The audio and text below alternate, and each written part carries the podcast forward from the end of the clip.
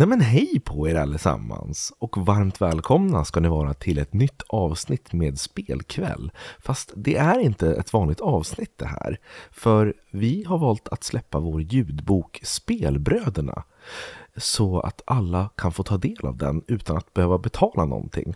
Så håll till godo nu, här kommer nästan en och en halv timme lång ljudbok med mig Robin och min kära kollega Jakob. Vi kör igång gingen.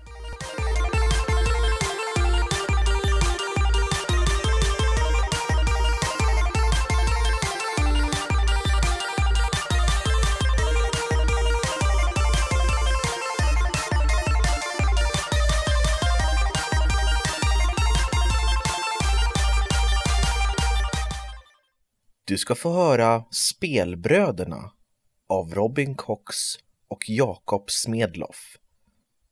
Uppläst av mig, Robin Cox. Och mig, Jakob Smedloff. Förord.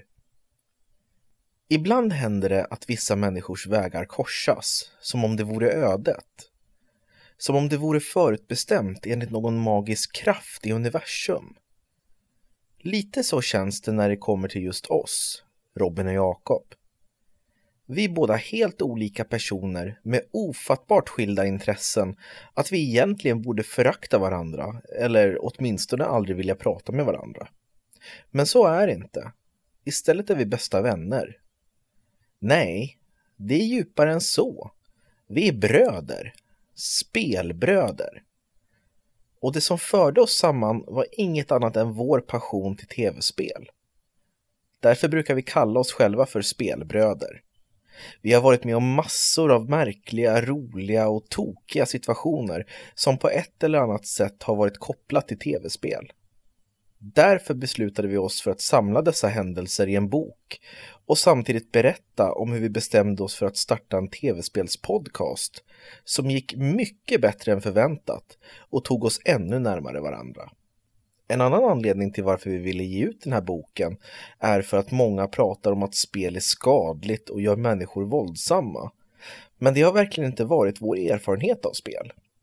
Utan spel hade vi aldrig blivit vänner och inte heller blivit de människor vi är.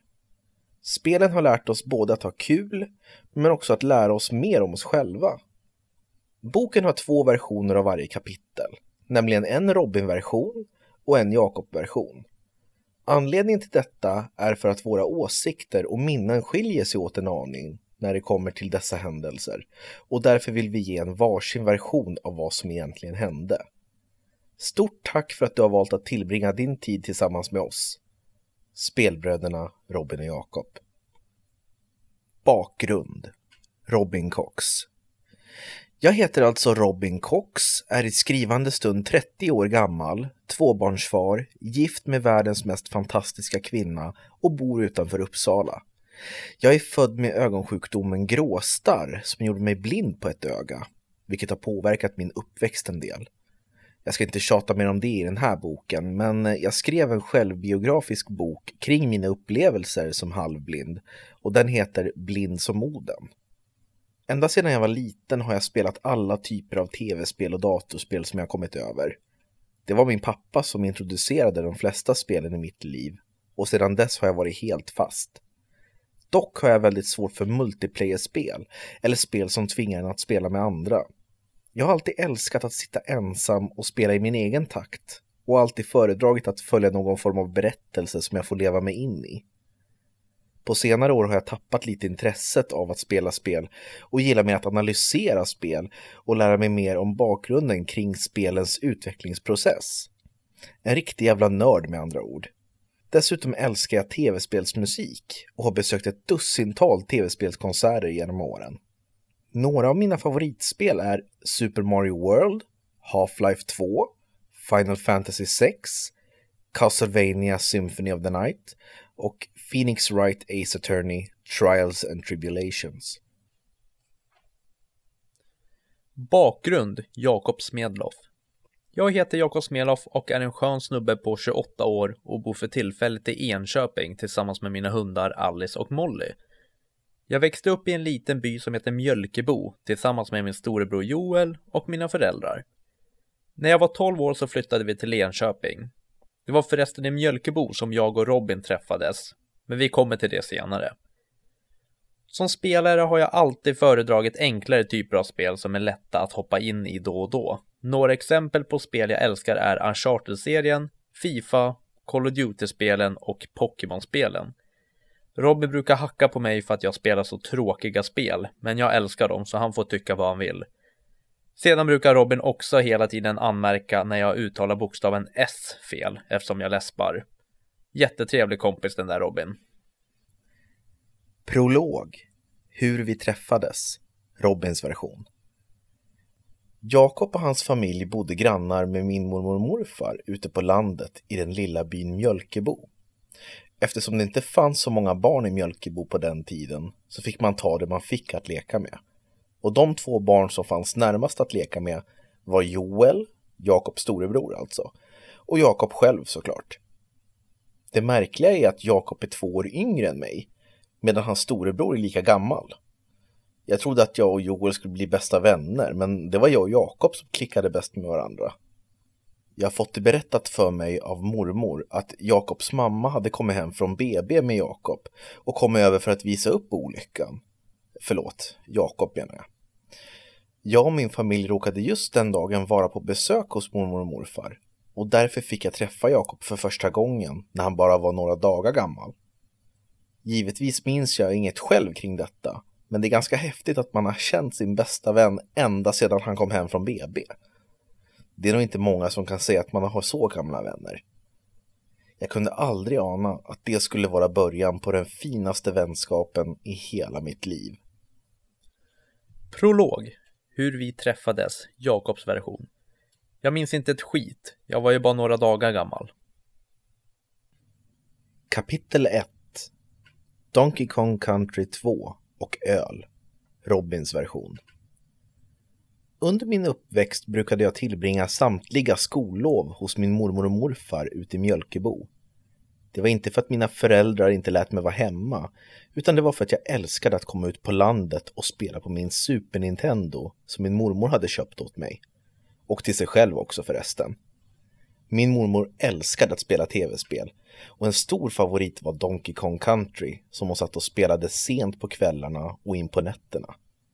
Hon spelade så pass mycket att handkontrollen hade givit henne sår på fingrarna och händerna.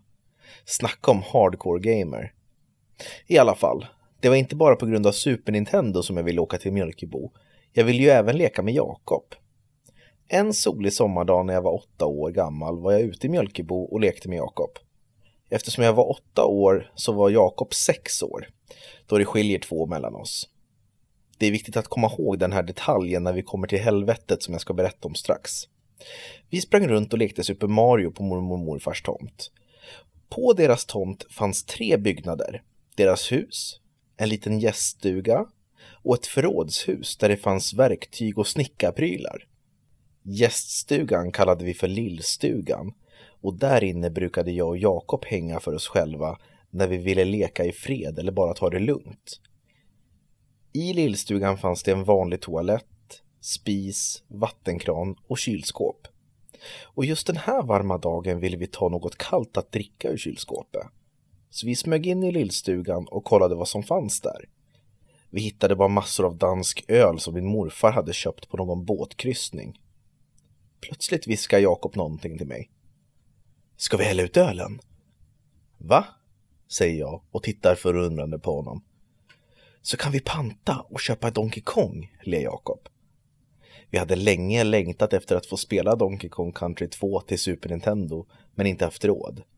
Det kostar runt 800 spänn vid den här tidpunkten och vi hade inte ett öre. Jag kollade på ölen och såg att det fanns en återvinningssymbol på burken. Och bredvid symbolen stod det 50 jag sken upp som en sol. Kolla! Man får 50 kronor för varje burk. Om vi häller ut 16 stycken så kan vi få 800 kronor. Självklart stod det 50 öre, alltså en halv krona, vilket skulle generera 8 kronor på 16 burkar. Men till mitt försvar kan jag bara säga att min logik var oerhört bristfällig som åttaåring. Som tur är har jag utvecklats lite sedan dess och inte lika korkad längre. Jakob har också utvecklats. På sitt sätt. Oavsett så tittade jag och Jakob varandra i ögonen och nickade bekräftande samtidigt. Sen tog vi en handfull öl var och sprang ut ur lillstugan. Vi kollade oss noga omkring så att ingen skulle se vad vi höll på med. Men det var ingen fara eftersom mormor, morfar och min mamma var på andra sidan huset och badade i deras swimmingpool. Jakob ställde sig bakom förrådsbyggnaden och knäppte upp första ölburken och hällde ut på gruset och singlet. Jag var inte sämre jag och knäppte upp en av mina burkar och hällde ut den gulbruna vätskan. Usch, vad det luktar illa, sa Jakob medan han tömde den andra burken. Jag instämde och fortsatte med min andra burk. Snart hade vi hällt ut alla burkar och tittade stolt på varandra. Nu har vi råd med Donkey Kong 2, tjoade jag glatt. Ja, ska vi åka och panta? undrade Jakob entusiastiskt. Men innan jag hann säga något så kom morfar gående mot oss. Han skulle in i förrådet och hämta något verktyg. Tjena grabbar, ropade han. Hej, svarade vi nervöst och gömde burkarna bakom våra ryggar. Precis när morfar skulle öppna dörren så började han lukta med näsan, högljutt. Vad fan är det som luktar? muttrade han. Jakob var snabb som en vessla på att svara, men tyvärr var det inte ett särskilt smart svar. Det är mormor, hon har druckit massa öl och hällt ut här. Det blev tyst.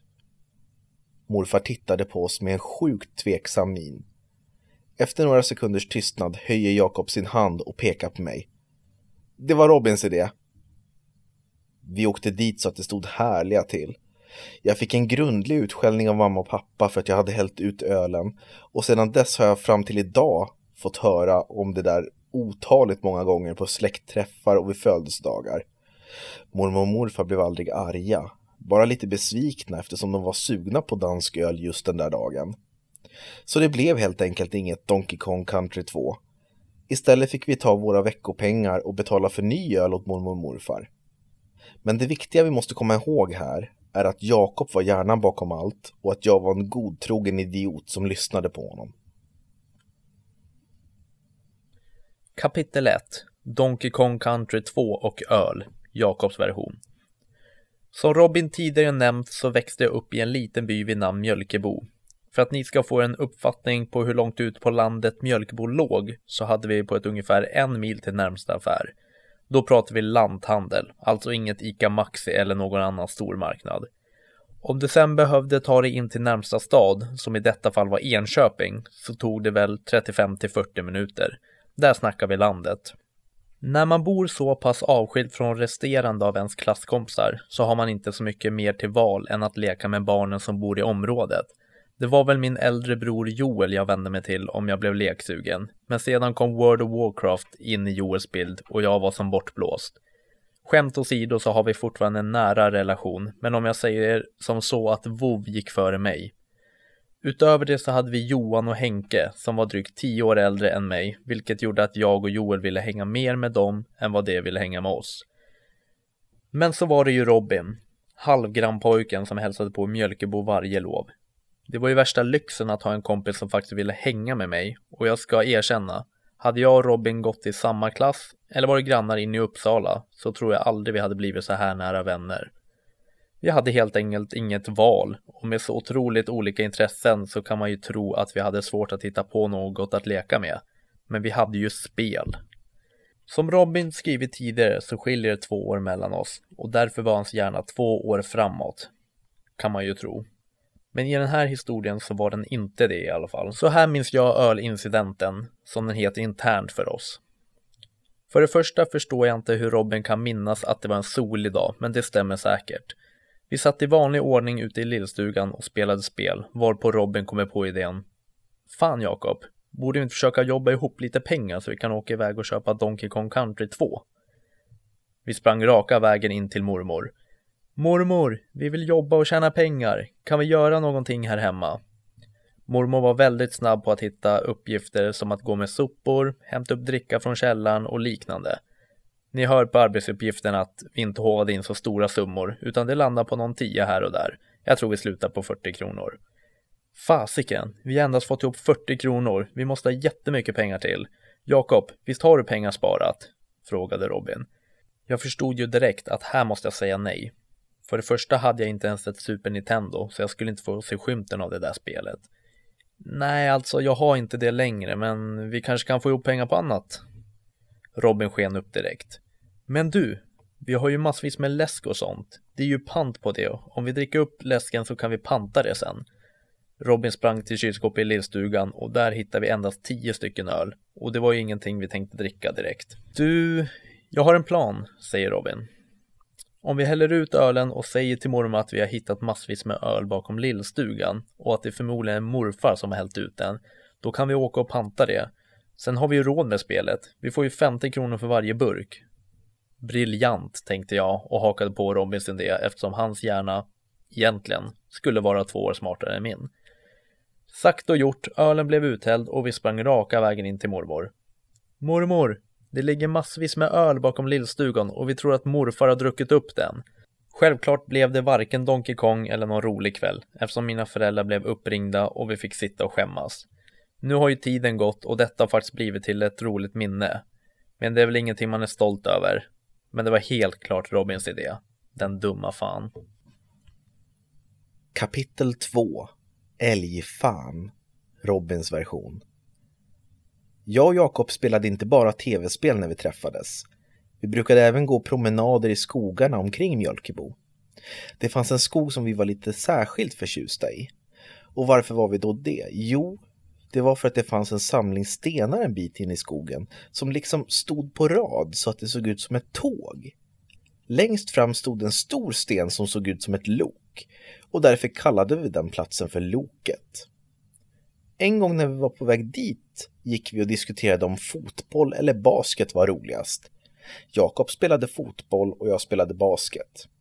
Jag minns att jag tittade ner på mina fingrar för att räkna upp diverse olika fördelar med basket över fotboll. Medan jag går med huvudet neråt och försöker bräcka Jakob så märker jag i ögonvrån att Jakob stannar upp. Han blir helt stillastående och stirrar bara rakt fram. Han ser likblek ut och det lyser rädsla i hans ögon. Vad är det? frågar jag förvånat. Men innan Jakob hinner säga något så vrider jag huvudet mot hållet han stirrar åt och får själv se svaret. Cirka fem meter från oss står en stor jävla älg. Och inte bara det, bredvid älgen står en liten kalv. Jag och Jakob vågar inte röra oss och tittar därför på älgen och kalven i ren skräck. Efter några sekunder börjar älgen frusta och rycka med ena benet. Jag vrider mig mot Jakob för att säga åt honom att vi borde springa härifrån fort som fan. Men jag ser inte honom. Han är borta. Jag vänder mig mer om och ser att Jakob redan har lagt benen på ryggen och lämnat mig i sticket. Jag är inte sen på bollen och springer så fort benen bär.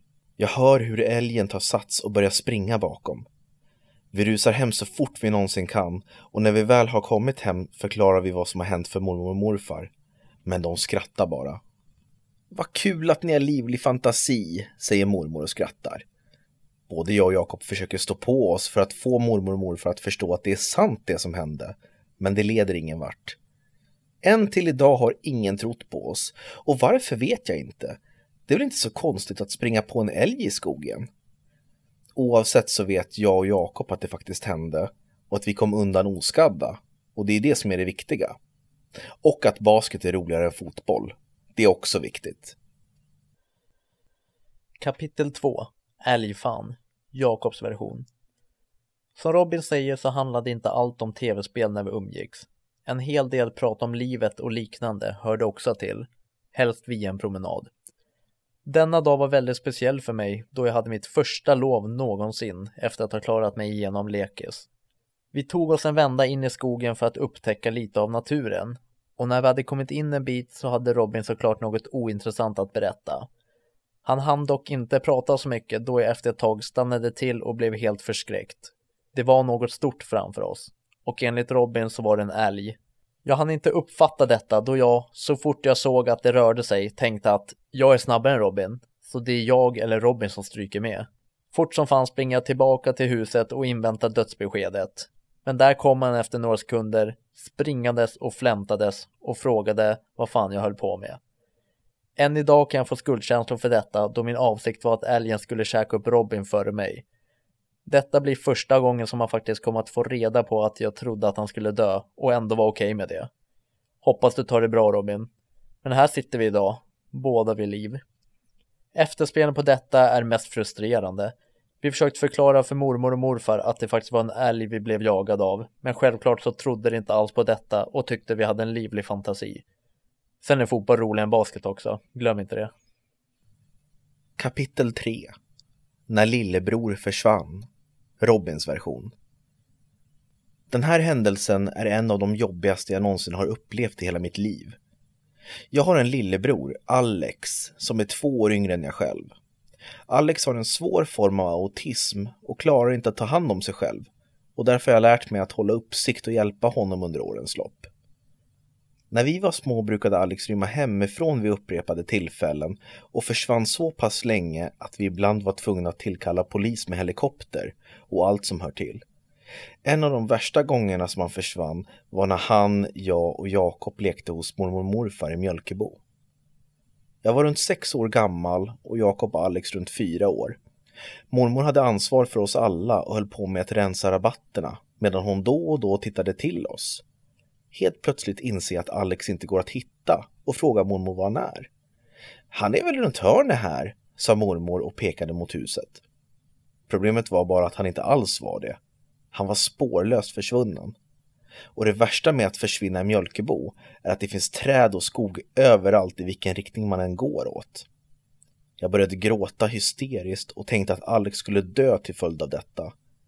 Mormor fick också panik och ringde in min mamma och pappa som fort fick köra ut till Mjölkebo för att leta. Även Jakobs mamma och pappa anslöt sig i letandet. Eftersom jag och Jakob var små så ville de att vi skulle hålla oss inne så att vi inte heller skulle försvinna. Vi ville såklart följa med och leta, men våra föräldrar var bestämda och vi fick istället sätta oss framför mormors tjock-tv och spela Super Nintendo. Jag minns att klumpen i magen sved som om det blödde där inne.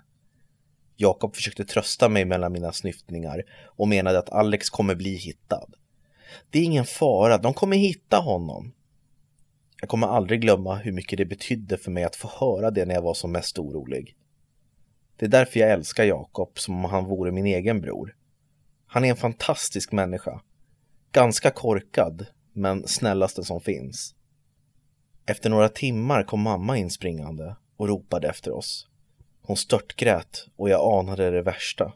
Han är hittad! Alex är hittad! Han mår bra! ropade hon medan glädjetårarna rann.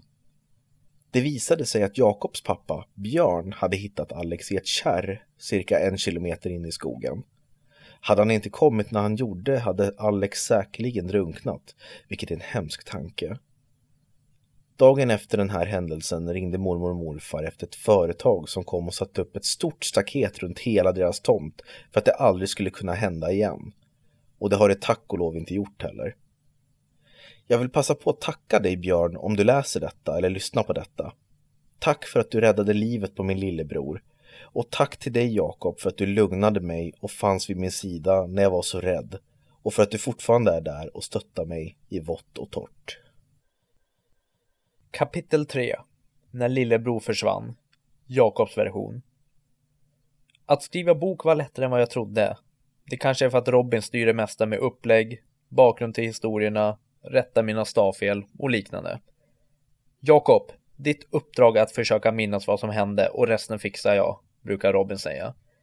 Ja, det spricker ju tyvärr till denna historien då jag inte minns ett skit om detta mer än att jag har fått det återberättat.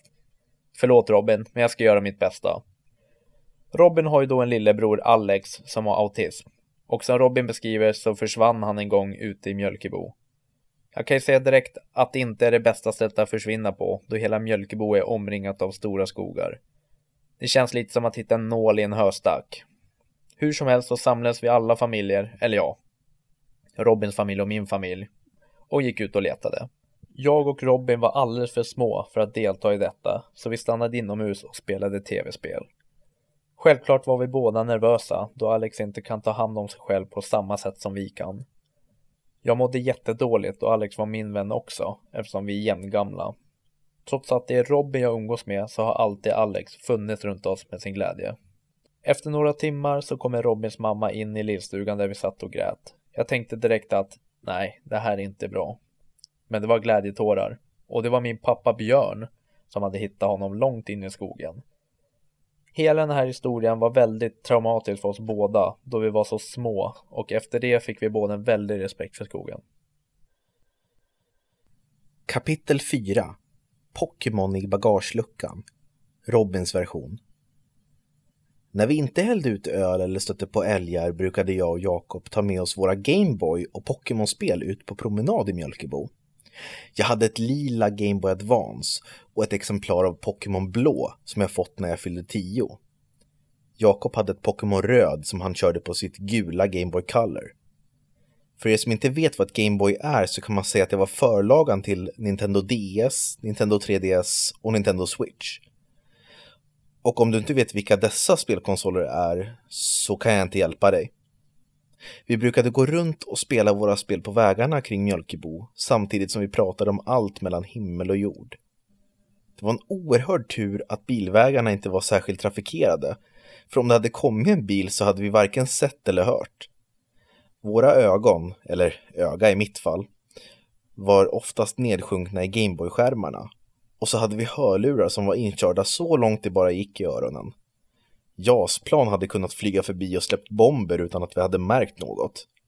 En dag på ett sommarlov, efter att jag och Jakob hade varit ute på en Pokémon-promenad, som vi valt att kalla det, så kom vi hem till min mormor och morfar för att bada lite i deras pool.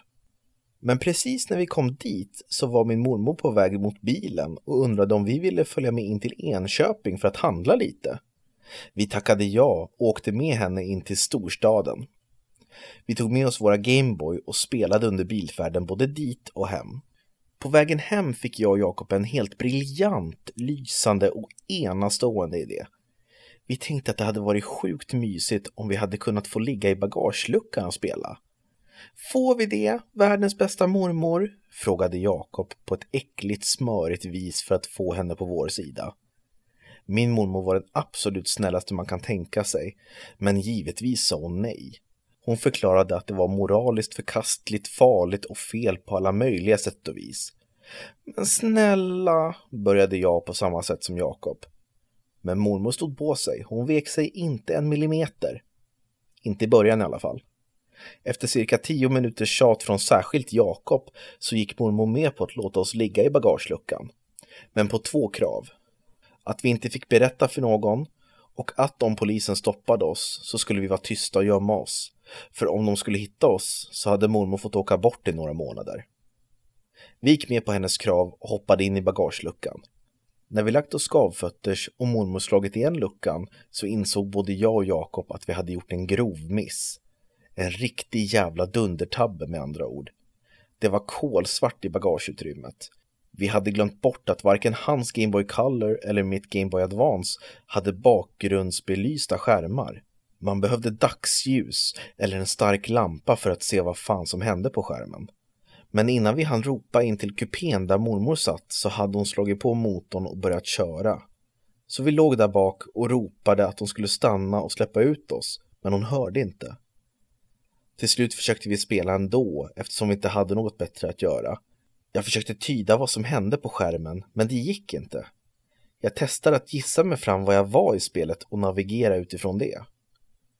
När vi äntligen kom hem så öppnade mormor bagageluckan och vi hoppade ut. Jag tog då en titt på mitt Gameboy för att se var jag var i spelet. Jag trodde att jag stod i Saffron City, inne i Sabrinas gym och slogs mot en Pokémon-tränare.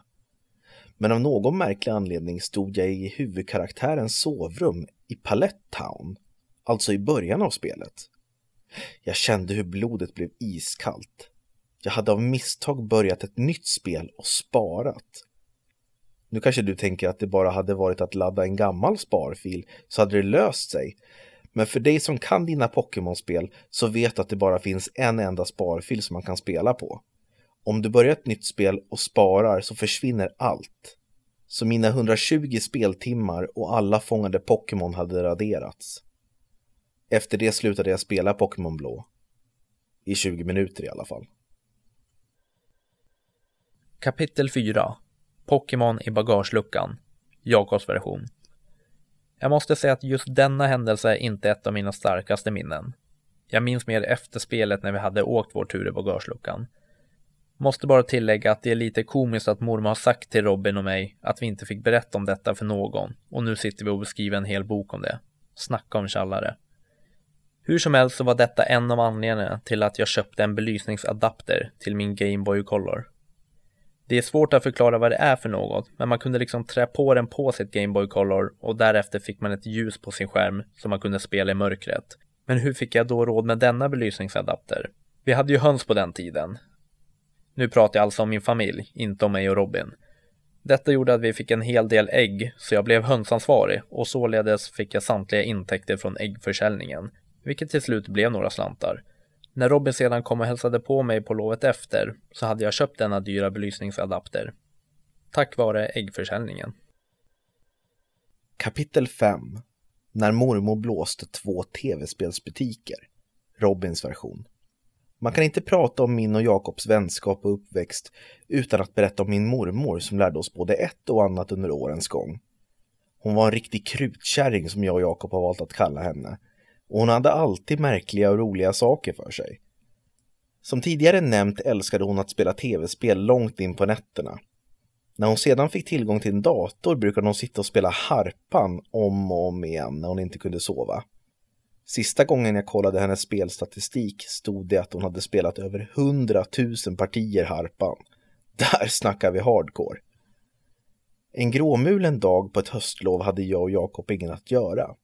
Vi låg ute på sängen i lillstugan, åt godis och spelade Super Mario Kart till Super Nintendo medan vi lyssnade på Markoolios bästa CD-skiva Tjock och lycklig på repeat.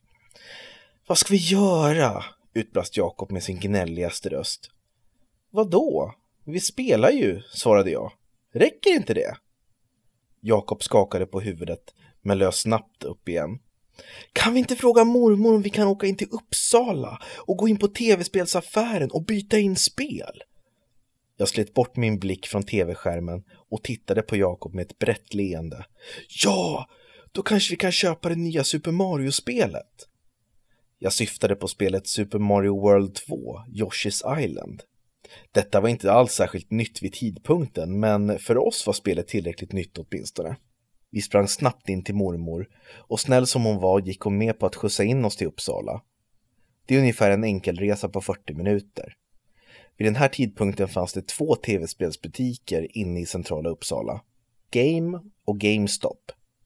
De låg med cirka fem minuters gångväg ifrån varandra. Tyvärr är båda butikerna borta idag till följd av konkurs, men på den tiden besöktes de flitigt. När vi kom fram till Games sprang vi in i den lilla butiken och kollade på hyllorna. Vi letade febrilt efter Super Mario-spelet och till slut hittade vi det. För 400 kronor. Det isade till i magen på mig. Jag hade en hundralapp i plånboken och visste att jag hade för lite värde i spelet jag hade tagit med mig för att byta in.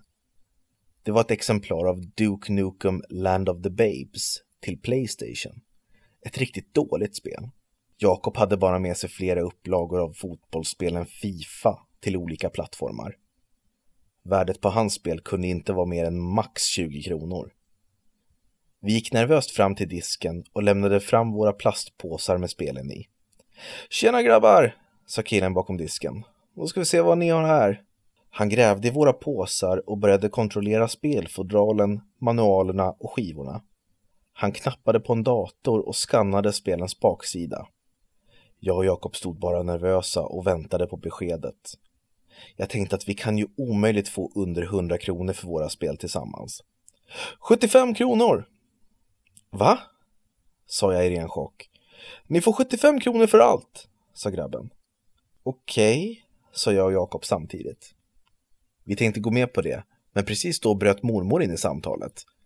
Men hörni, ska vi inte gå till andra butiken först? Jag och Jakob lyste upp. Ja, det finns ju en till! Vi kollar hur mycket vi får där! ropade jag lättat. Vi gick till GameStop och lämnade fram våra kassar. Tjejen bakom disken gjorde om samma procedur som killen på Game hade gjort. Medan vi väntade hoppades jag på att få minst 100 kronor. Ja, ni får 75 kronor, sa tjejen. Jag och Jakob suckade besviket. Jag skulle precis säga att det var samma summa som vi fick på game, men jag hann inte eftersom mormor körde igång världens lögn. Ja, vi var vid den där andra spelbutiken nyss och där fick vi 150 kronor. Jag och Jakob tittade storögda på mormor. Jaha, sa tjejen. Tyvärr kan jag inte ge mer än 75 kronor. Mormor vände sig mot mig och Jakob. Ni tycker ju ändå bäst om game, eller hur? Vi går tillbaks dit. Jag förstår varför alla säger att man ska gå dit istället för hit. Tjejen bakom disken började vrida på sig en aning och knäppa på datorn. Nej, men, men hörni, jag ser här att ni kan få 180 kronor. Låter det bra? Jag och Jakob nickade tacksamt, men vi hann inte säga något innan mormor svarade åt oss. Tack så mycket, men vi får nog återkomma. Hon tog med oss ut ur butiken. Jag och Jakob undrade varför vi inte tog 180 kronor. Det var ju en grym deal. Mormor skakade på huvudet och log lite finurligt. Nu ska vi gå tillbaks till game och så spelar ni med. För nu drar jag samma grej där. Jag och Jakob började asgarva åt alltihop. Vilken lögnare mormor visade sig vara. Sagt och gjort, vi gick tillbaka till game. Vi stod utanför och mormor pekade mot skyltfönstret. Kolla, perfekt! Det är en ny kille i kassan. Då känner han inte igen oss. Det här blir skitbra. Vi gick in och mormor skötte snacket. Vi fick 180 kronor på GameStop. Vad får vi här? Killen undersökte spelen och knappade en stund på datorn. Ni kan få 210 kronor här. Mormor tvekade. Jag vet inte. Jag tror att vi kör på GameStop. Alla säger ju att man ska gå dit egentligen. Vi ville ju bara se vad ni hade att erbjuda. Killen sträckte på sig.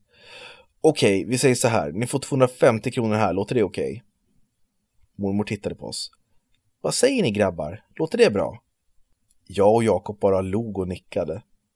Med mina 100 kronor plus Jakobs 40 samt inbytespengarna blev det 390 kronor. Mormor sköt till med den sista tian som fattades och mindre än tio minuter senare åkte vi hem med ett sprillans nytt Super Mario-spel i vår ägo. Jag tyckte att det var så lustigt att spelet var finansierat med några Fifa-spel, ett dåligt Duke Nukem-spel och mormors lögner. Jakob var otroligt imponerad över mormors sälj och köpkunnighet. Var har du lärt dig det? Mormor tittade på oss via backspegeln och skrattade till. Äh, man är väl en tokkärring som har varit med förr. Så där är ju jag hela tiden när jag ska handla. Kapitel 5 När mormor blåste två tv-spelsbutiker Jakobs version Självklart minns jag och Robin inte precis samma sak här. Jag har ett svagt minne att vi var inne på Game, som var vår butik enligt oss själva. Och väl där kastade vi fram våra spel. Snubben i kassan kikade på samtliga skivor och gav oss ett skambud likt det Robin beskriver. Dessvärre minns jag inte hur mycket det rörde sig om då jag inte hade någon riktig uppfattning om hur mycket spel och liknande kostade. Robin sa då till denna game-anställda. Vi fick si och så mycket på GameStop. Varpå snubben svarar. Då tycker jag att ni går dit. Sagt och gjort gick vi till GameStop där vi egentligen inte fick något mer än vad vi hoppades på. Enligt mig så är det ju Robin som sa till en anställd på GameStop att vi fick mer pengar på game. Ni vet, Robin är ju ingen våghalsig snubbe, så han drog ju på med att vi fick typ 10 kronor mer på game. Varpå GameStop-killen kände väl mer att shit vad patetiska. Ah, ja, det får väl 10 kronor mer. Så ni förstår här hur våra historier skiljer sig väldigt mycket från varandra. Vad som är rätt och fel kan jag tyvärr inte svara på. Det enda jag vet är att Robin är dum i huvudet. Kapitel 6 Killen i bollhavet på Donken Robins version En av de absolut sjukaste saker som jag någonsin har varit med om hände tillsammans med Jakob. Jag tror att detta skedde när jag var runt 10 år och jag och Jakob var på utflykt i Västerås tillsammans med mormor och morfar för att handla leksaker och kolla på tv-spel. Vi hade som en tradition att alltid åka till Västerås, gå in på leksaksaffären Toys R Us och sen äta lunch på McDonalds. Den här restaurangen hade en massiv lekställning inomhus där det gick att klättra i olika rör som slingrade sig runt omkring en stor klätterställning. Den var helt magisk. Det fanns även ett bollhav som man kom fram till när man hade klättrat igenom alla rör. Just den här dagen hade jag och Jakob hela klätterställningen för oss själva. Vi bestämde oss för att springa iväg till bollhavet och leka där. När vi kom fram såg vi att det stack upp en liten korv ur bollhavet. Vi gick lite närmare och insåg att korven inte var en korv. Det var en näsa. Innan vi hann säga något så reser sig plötsligt en liten knubbig kille upp ur havet av alla färgglada bollar. Vi står och tittar på varandra i tystnad. Efter cirka tio sekunder väser killen helt oprovocerat. Stick åt helvete! Jag och Jakob bara gapar förvånat över hur orimligt otrevligt killen hade bemött oss. Vem fan säger stick åt helvete det första man gör? Och dessutom helt oprovocerat. Min farsa jobbar här så ni får dra annars kommer han att spöa skiten ur er, hotar killen oss. Jag blir jätterädd och vänder mig om för att springa därifrån. Men Jakob är ju smått sjuk i huvudet och inte det minsta rädd för killens hot. Han står lugnt kvar och greppar tag i min axel för att hindra mig från att sticka iväg. Hur gammal är du? frågar Jakob killen. Tolv, vadå då? svarar killen kaxigt. Jakob skrattar till och skakar på huvudet. Ja, inte äldre än tolv. Den här killen är tretton och han slåss varje dag i skolan. Jag tittar mig omkring och undrar var den där killen är som Jakob pratar om. Tills jag inser att det är mig han pratar om. Va? säger killen häpet. Jag inser att jag måste spela med i Jakobs lögn och sträcker därför på mig för att se så stor och tuff ut som jag bara kan. Just det, säger jag högt och tydligt. Så passa dig! Killen flackar nervöst med blicken mellan mig och Jakob. Det ser ut som att han ska säga något, men helt plötsligt sular han en påse pommes frites i ansiktet på mig. Sen böjer han sig ner och greppar efter något på botten av bollhavet. När han har fått tag i saken kastar han den på Jakob. En halväten cheeseburgare och en udrucken läskmugg. Han hade alltså legat i bollhavet och käkat sitt hamburgermål där. Jag och Jakob gör ingenting. Vi bara tittar chockerat på killen. Men dra åt helvete då! skriker han och springer ut i bollhavet. Jag och Jakob vet inte vad vi ska säga. Vi tittar på varandra och sen går vi bara sakta bort från bollhavet som om vi upptäckt en död kropp som vi försöker intala oss själva att vi inte sett. När vi kommer ut till restaurangdelen berättar vi hela händelseförloppet för mormor och morfar. Men likt älgincidenten så skrattar de bara och säger att vi har livlig fantasi. En liten stund senare ska vi gå därifrån och då passerar vi en tv-spelsmonter där en Nintendo 64-konsol står uppkopplad. Vid montern står en liten tjej och spelar Super Mario 64. Bakom henne står killen från tidigare och tjatar högljutt. Jag ska spela, det är mitt spel! Min pappa uppfann Super Mario! Jag och Jakob tittar på varandra och bara suckar. Vi åker hem till lugna, trevliga och ofarliga Mjölkebo. Kapitel 6 Killen i bollhavet på Donken Jakobs version Bollhavet på McDonalds var en av höjdpunkterna de veckor Robin hälsade på ute på landet. Jag vet inte om Robin nämnt det tidigare, men jag drar en snabb version. Robin kom ut på loven och då åkte vi alltid till Västerås och gick på Game och GameStop. Där blev det ofta som så att Robin fick ett tv-spel av sin mormor och jag fick testa på det när vi kom hem. Det var ju lite win-win. När vi var på väg hem från Västerås stannade vi alltid till på Hälla, en liten handelsstad med olika butiker. Där fanns då detta McDonalds som hade världens största lekplats. Tyckte vi i alla fall. Jag minns ju den här situationen faktiskt. Och jag vet att den här pojken som betedde sig illa i bollhavet fick sig en uppläxning av oss. Han var så otroligt kaxig och vi fick inte alls vara där för att hans pappa ägde McDonalds. Jag minns att jag endast sa att Robin var några år äldre än vad han faktiskt var och det räckte för att få pojkens respekt. Robin var ju väldigt storvuxen när han var yngre. Han var oftast längre än de andra i hans ålder och det var nog en av anledningarna till att denna myt gick hem för en gångs skull. Sen att Robin överdriver en hel del när vi kom tillbaka till mormor och morfar som satt ute i restaurangen är en annan femma. Jag tror han upplevde denna händelse som mer våldsam än vad den egentligen var. Det räckte som sagt att säga att Robin var lite äldre, så backade killen. Kapitel 7 Jakten på Summer Heat Beach Volleyboll Robins version Många kanske tror att jag och Jakob umgicks hela tiden som barn, men så är definitivt inte fallet. Vi lekte i princip varje dag på varje skollov, men däremellan hördes vi inte alls. Alltså ingenting. Total radiotystnad som man brukar säga. Varför vet jag inte, men båda två hade någon märklig spärr i huvudet som gjorde att vi utgick ifrån att det varken gick att ringa eller smsa såvida det inte var ett skollov. Riktigt sjukt när man tänker på det. När vi sen blev lite äldre insåg vi att vi också kunde ses och höras utöver alla lov. Anledningen till varför jag berättar detta är för att en händelse som skedde var just på grund av vårt konstiga kommunikationsbeteende. Den här händelsen skedde någon gång i början av 2000-talet och vi hade precis blivit tonåringar. Det var påsklov och jag och Jakob hade träffats några gånger och spelat på min sprillans nya Playstation 2. Mormor hade köpt en sån efter mycket tjat från mig. Med konsolen fick vi en demoskiva. En skiva med massvis av korta demonstrationer av kommande spel till Playstation 2. Många av spelen vi testade på var rätt tråkiga, men det var ett som fångade vår uppmärksamhet. Summer Heat Beach Volleyball. Ett, vid första anblick, sjukt generiskt volleybollspel, men som var oväntat roligt att spela.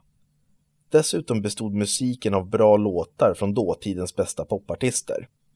Det här måste jag köpa, utbrast jag. Jakob nickade instämmande och menade att han också skulle köpa det. Brorsan ska få ett Playstation 2 snart. Jag ska fan också köpa spelet så kan jag spela det på hans konsol. Jag såg på Jakob att han blev ofattbart taggad när han pratade om att Joel skulle få ett Playstation 2 och att han då skulle få spela på den.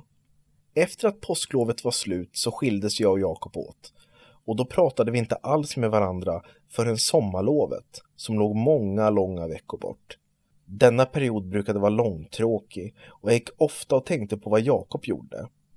När jag nu skriver det här så hör jag hur idiotiskt det låter att vi inte ringde till varandra. I alla fall, jag fick en lysande idé. Jag tänkte att jag skulle köpa Summer Heat Beach Volleyball till både mig och Jakob så att han skulle slippa köpa spelet själv. Då kunde han ha ett exemplar och jag mitt eget. Jag letade runt på internet efter spelet, men till min förtret insåg att det var slutsålt överallt. Inte ens på de mest obskyra spelsidor jag kände till hade det på lager. Det fanns inte ens begagnade exemplar tillgängliga. Jag tvingade då min pappa att skjutsa runt mig till alla tänkbara butiker som kunde tänkas sälja tv-spel. Men jag hittade det fortfarande inte. Jag tror att många gamers känner igen sig när man har snöat in på ett speciellt spel som man är på jakt efter, men som är svårt att få tag i. Jag fattar inte varför Summer Heat Beach Volleyball var så svårt att få tag på.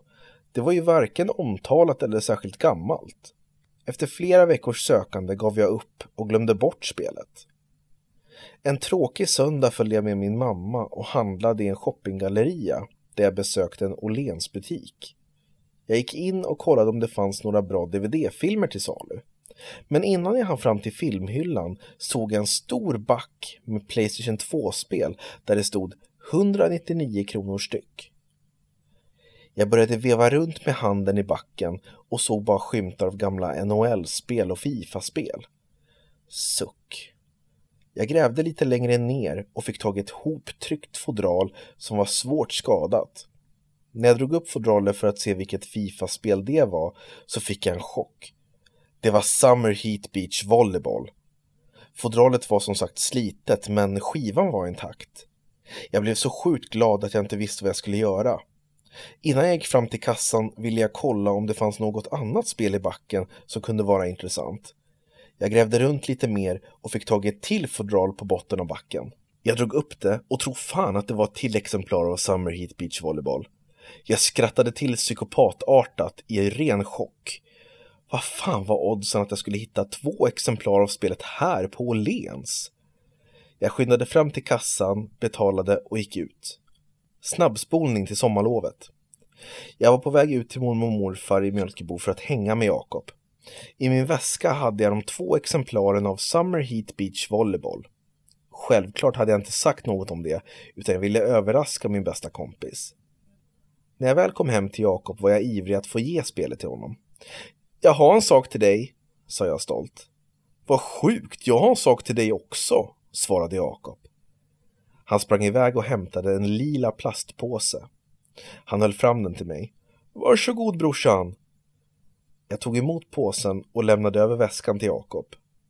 Vi tog upp sakerna samtidigt och självklart låg det ett exemplar av Summer Heat Beach Volleyball i plastpåsen. Vad fan, utbrast vi båda samtidigt. Vi hade fått samma idé och lyckats få tag på två exemplar var, så nu satt vi där med totalt fyra exemplar av spelet.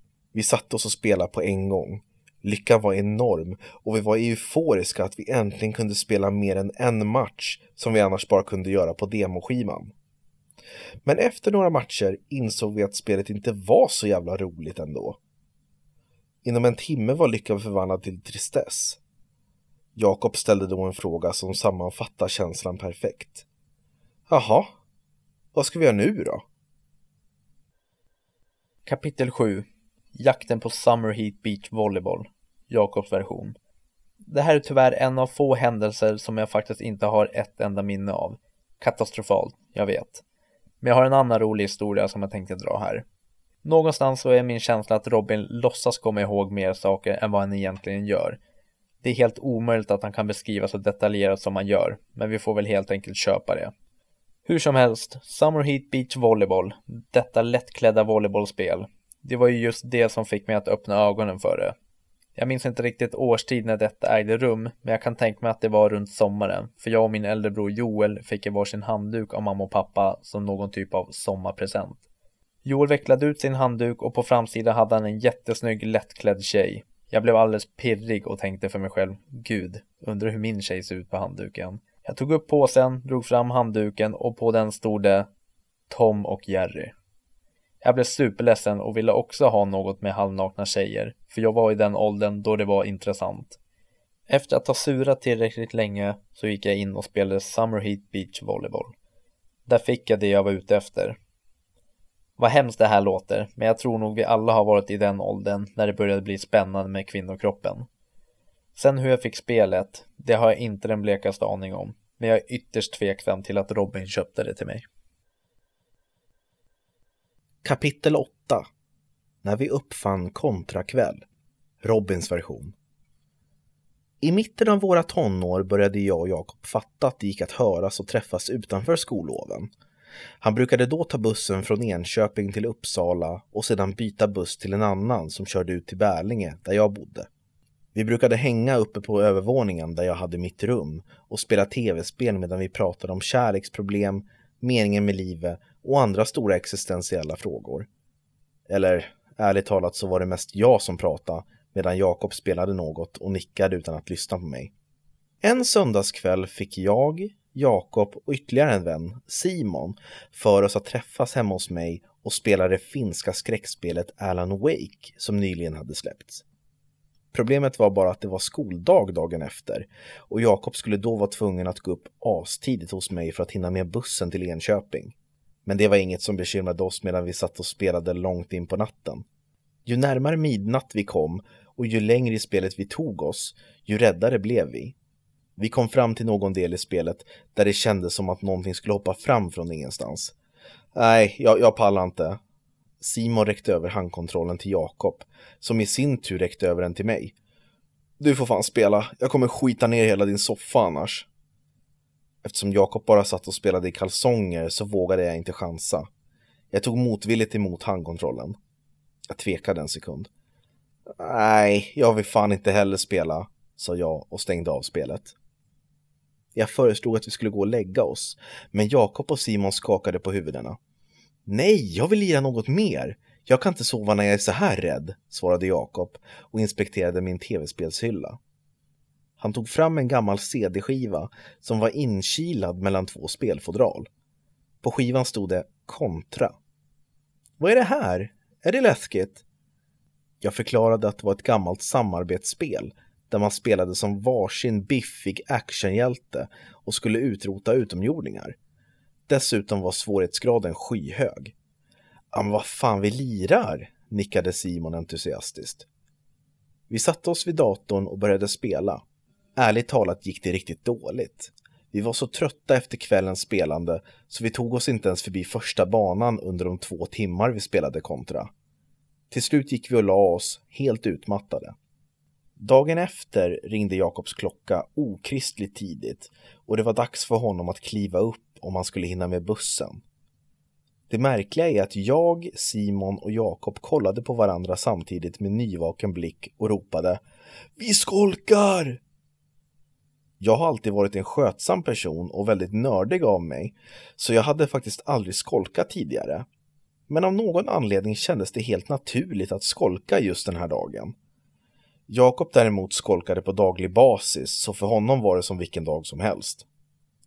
Vi hade världens skönaste morgon där vi låg och drog oss i sängarna och snackade om allt möjligt.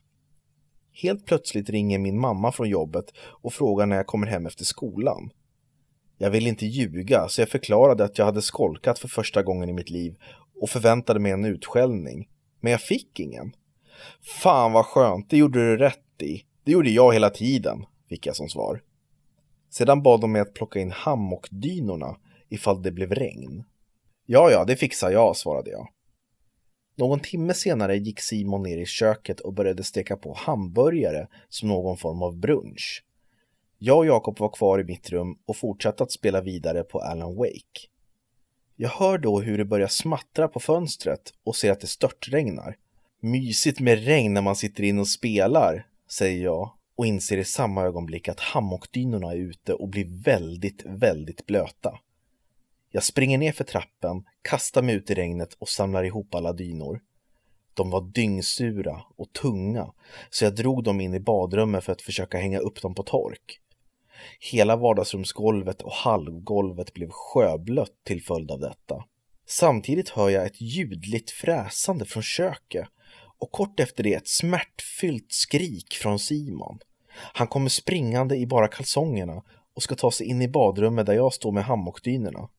Men han halkar på det blöta hallgolvet och ramlar in med sin ena fot i en stängd trädörr. Bang! säger det. Jag tittar ut från badrummet och ser att Simon ligger halvnaken på golvet med ena foten rakt igenom min pappas arbetsrumsdörr. Vad fan gör du? frågar jag chockerat. Oljan stänkte upp ur stekpannan. Jag brände mig som fan, svarar Simon. Vi börjar skratta och precis då kommer Jakob ner från övervåningen. När är käket färdigt? Jag är hungrig! Jag förklarade sedan hela händelseförloppet för mina föräldrar, men de köpte det inte. De trodde att vi hade haft någon fest och att någon av oss hade blivit full och sparkat hål i dörren. Som tur var hade vi en dörr i reserv, så det löste sig. Från och med den dagen kallade vi alla kvällar där vi spelade kontra och sedan skolkade dagen efter för kontrakväll. När vi efter det hörde av oss till varandra och pratade om att sitta och spela på en skolkväll så frågade vi alltid varandra om vi skulle köra en kontrakväll. Nu när vi är vuxna brukar vi skoja om att vi ska ha kontrakvällar och sjukanmäla oss från jobbet dagen efter. Givetvis skulle vi aldrig göra det, men det är kul att skoja om. Så nu vet du i alla fall vad som menas med en kontrakväll. Den trasiga dörren står förresten fortfarande kvar i mina föräldrars garage som ett minne av vad en kontrakväll kan medföra för konsekvenser.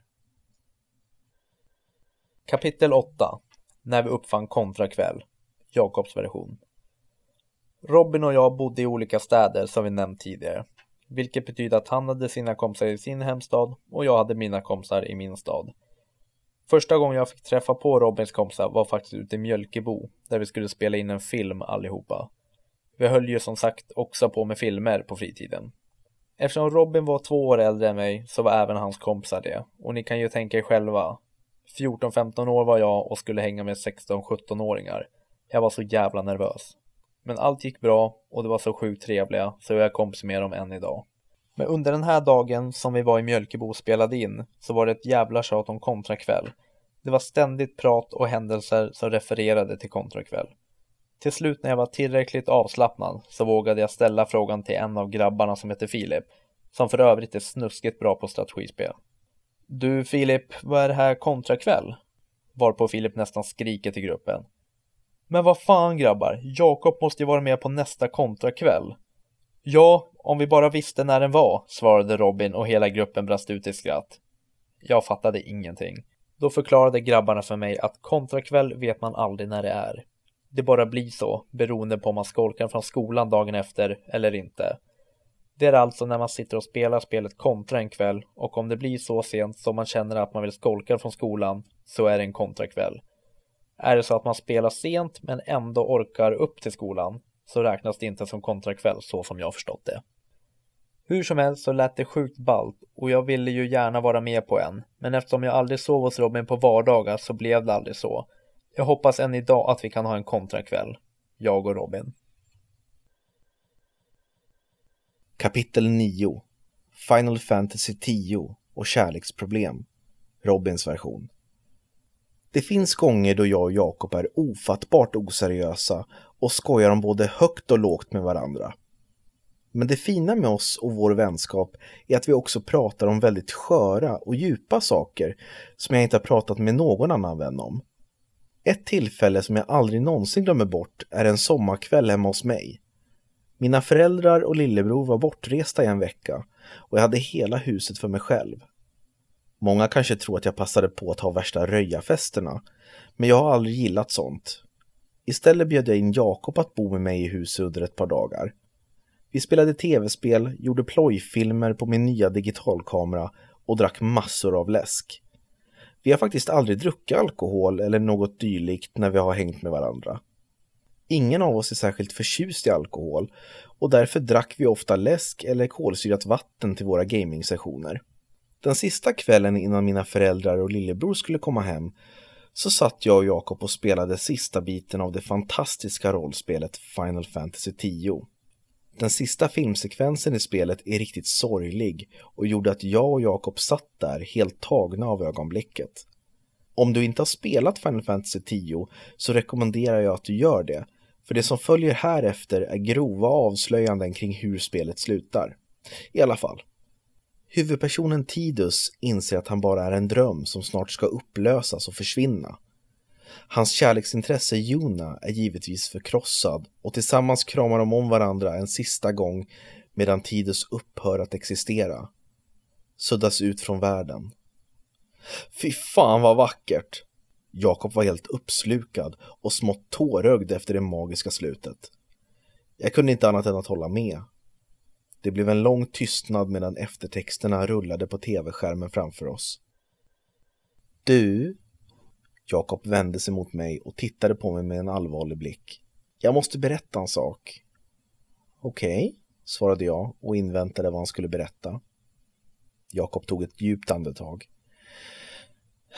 Jag har så jävla svårt att prata om känslor och sånt, men eh, jag har träffat en tjej som jag gillar. Jag blev jätteglad för Jakobs skull och bad honom berätta mer.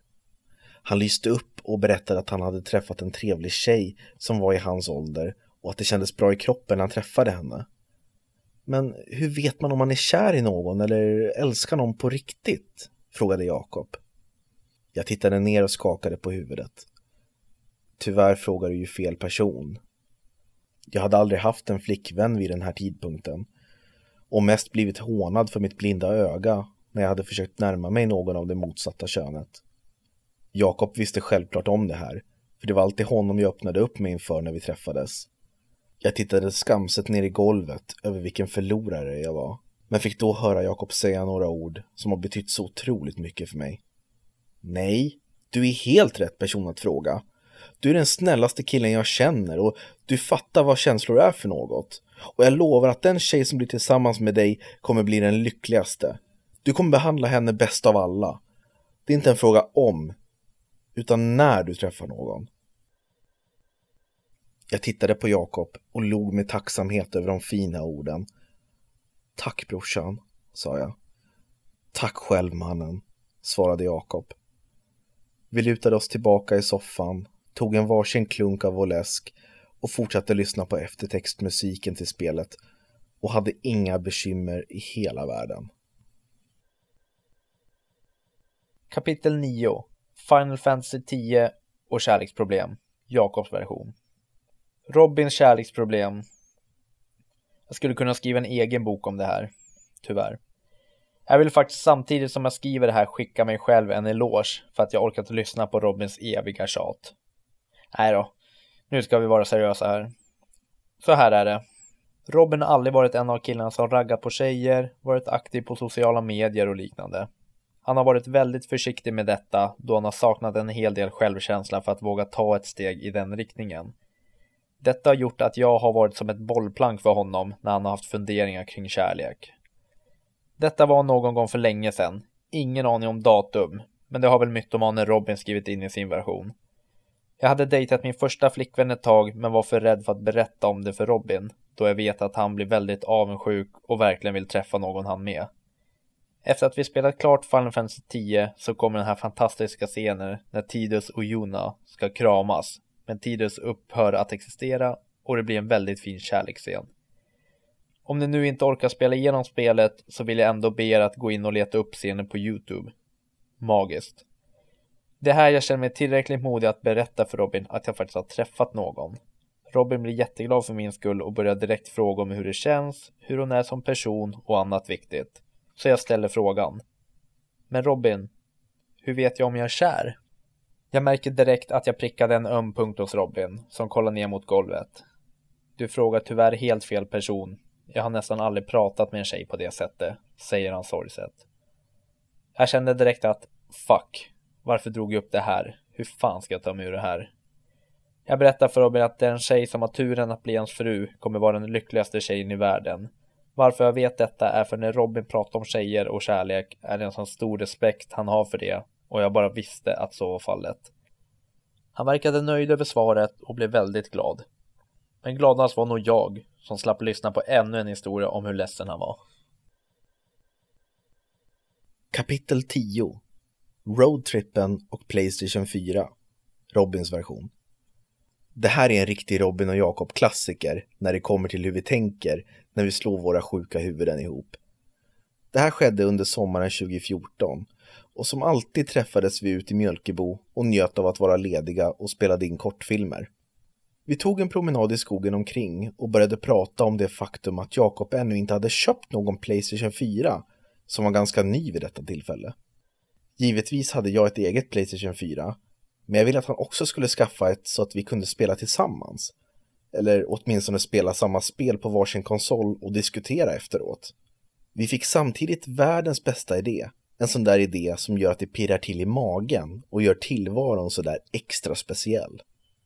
Vi fick för oss att åka iväg på en roadtrip och bli borta några dagar. Planen såg ut som så att Jakob skulle köpa ett Playstation 4 sedan skulle vi åka långt bort, ta in på hotell och sitta där och spela på hans nyinköpta konsol i flera dagar. Allt gick jättebra, förutom den lilla detaljen att vi aldrig kom längre än till Västerås, som ligger cirka 30 minuter bort.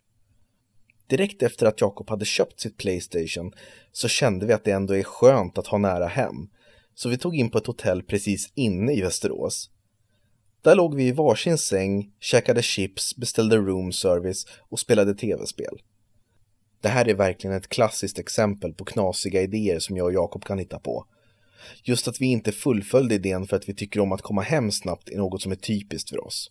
Vi älskar att vara hemma, så vi är nog de sämst lämpade för en roadtrip. Det som gör det ännu mer korkat är att vi lika gärna kunde ha åkt hem utan att behövt kosta på oss ett svindyrt hotellrum.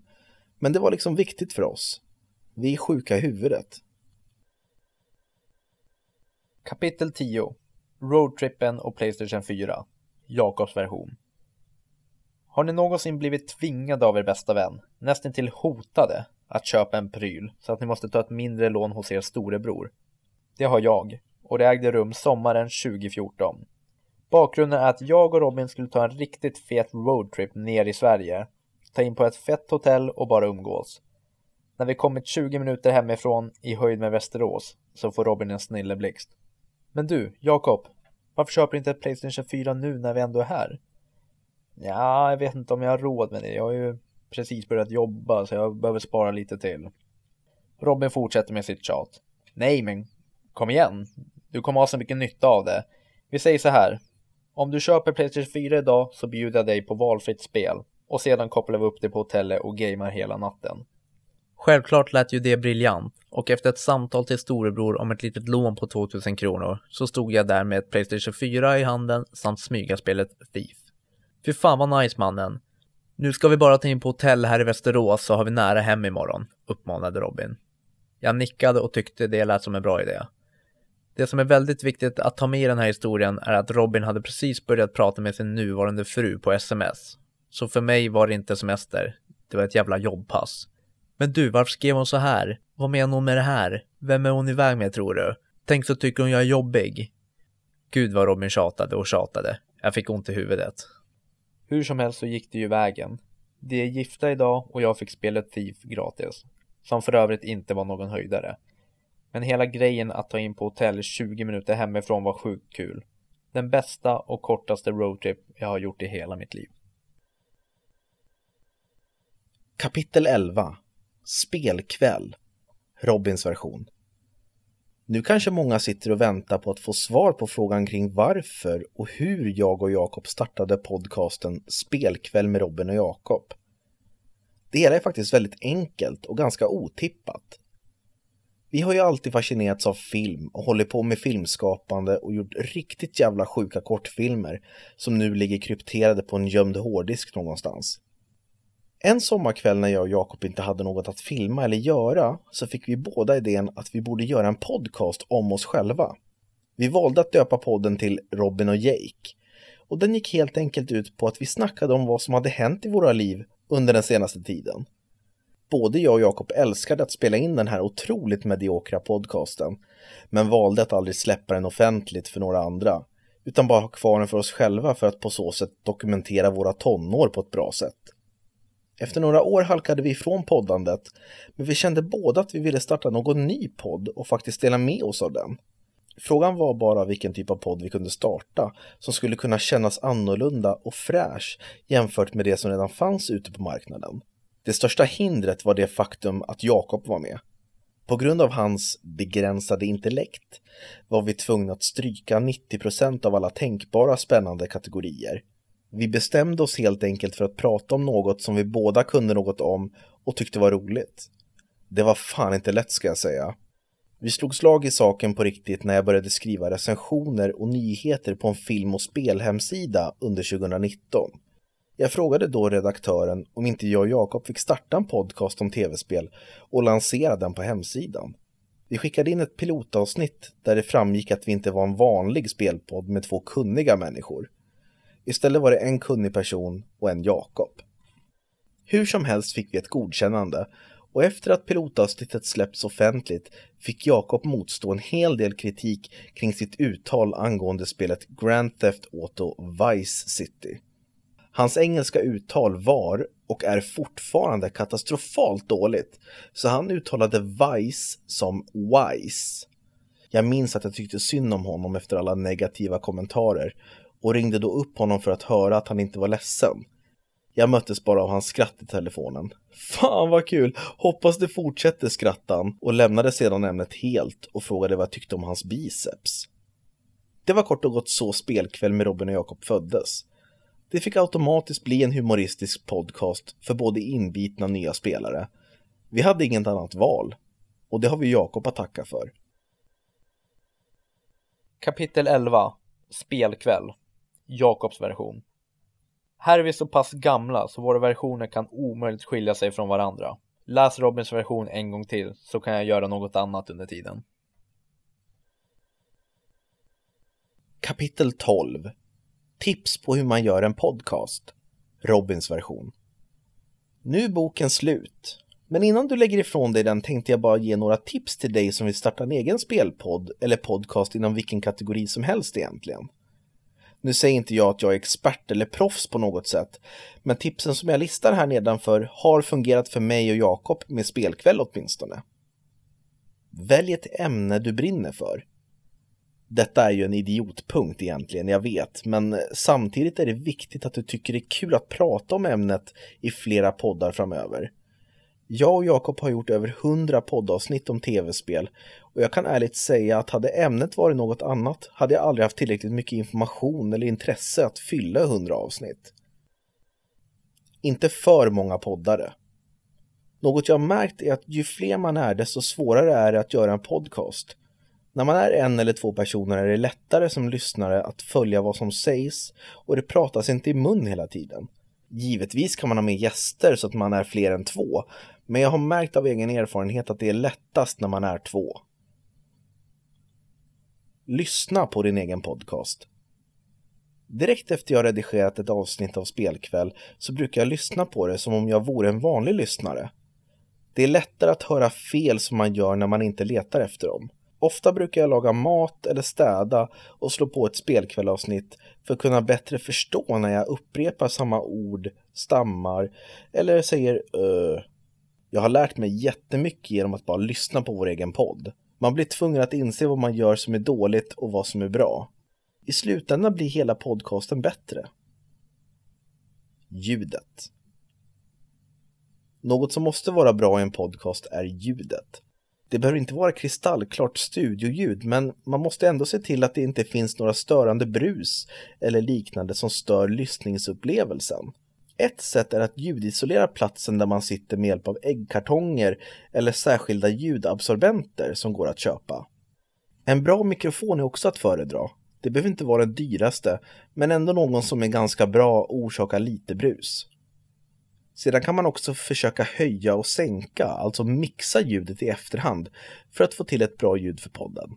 Det är svårt att få till det där perfekta ljudet och ärligt talat är jag väldigt sällan riktigt nöjd med ljudet i spelkväll. Ha genuint roligt.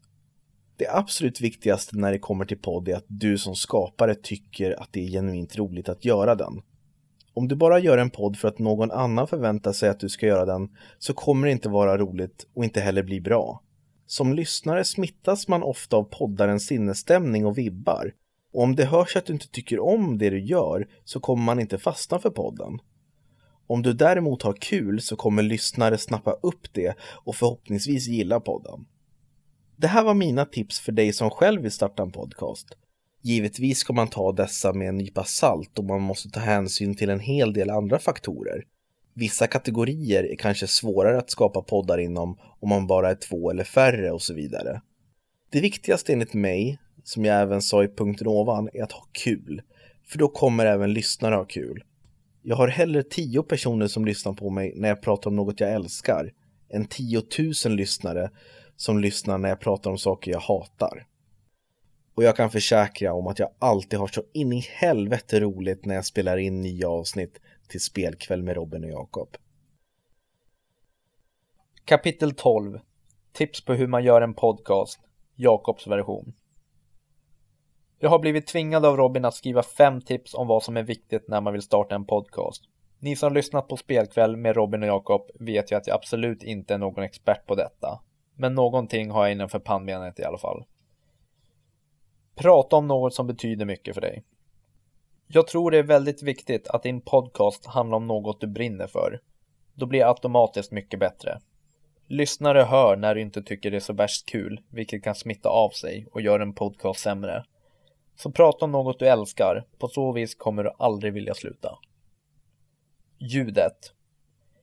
Precis som Robin sa så är ljudet otroligt viktigt. Jag har varit väldigt bortskämd då Robin har kanonutrustning när det kommer till ljud. För vem bryr sig om det är bra content när det knappt går att lyssna på? Lyssna och uppmärksamma dina lyssnare. Kanske en av de absolut viktigaste punkterna. Jag och Robin gör inte våran podcast för att tjäna pengar. Vi gör detta för att vi älskar allt som har med spel att göra. Samt för att vi vill nå ut till folk och ge något bra. Därför är det viktigt att ta åt sig och lyssna på vad era lyssnare har att säga. Vi har fått ihop en fantastisk community där vi pratar om både spel och livet med varandra. Jag älskar det. Hitta din egen Robin. Den absolut viktigaste punkten för mig. Hitta er egna Robin. Det är ett privilegium för mig att ha spelkväll med Robin. Blir det teknikstrul eller annat strul så kan du alltid luta dig tillbaka och se på när Robin svettas och blir irriterad. Skämt åsido, försök åtminstone se till att någon av er har lite kunskap om teknik och liknande. Våga vara annorlunda. Det skriker ju spelkväll om denna punkt. Aldrig har jag hört någon spelpodd som är så oseriös som våran. Lyssna på andra poddar inom samma ämne. Försök sticka ut på ett sätt som blir bra. För hur kul hade spelkväll varit med två idioter som Robin? Eller två sköna snubbar som mig som endast sitter och berömmer sig själva. Epilog. Nu sitter vi här. Nu har vi alltså kommit fram till bokens absolut sista kapitel. Det har varit så fantastiskt roligt och spännande att skriva den här boken. Vi är båda tacksamma och glada över allt vi har fått vara med om i våra liv. Vi har tillsammans med tv-spel utvecklat en broderlig kärlek som kommer vara för evigt. Det är ingen snack om den saken. och vi är säkra på att vi inte är de enda spelbröderna här i världen. Det finns säkert tusentals spelbröder och spelsystrar som har liknande bakgrundshistorier och relationer som vi har, där tv-spel inte har varit själva orsaken till vänskapen, men som ett hjälpmedel att hitta varandra på djupet och utvecklas tillsammans. Vi vill tacka alla som har inspirerat oss och stöttat oss på vägen. Tack till våra föräldrar, våra vänner, släktingar och framför allt tusen tack till alla fantastiska lyssnare och följare som har följt oss på våra galna upptåg i spelkväll med Robin och Jakob. Vi hoppas ni fortsätter följa oss och lyckas hitta era spelbröder och spelsystrar. För spel är större och viktigare än man tror. Med vänliga och ödmjuka hälsningar Robin Cox och Jakob Smedloff.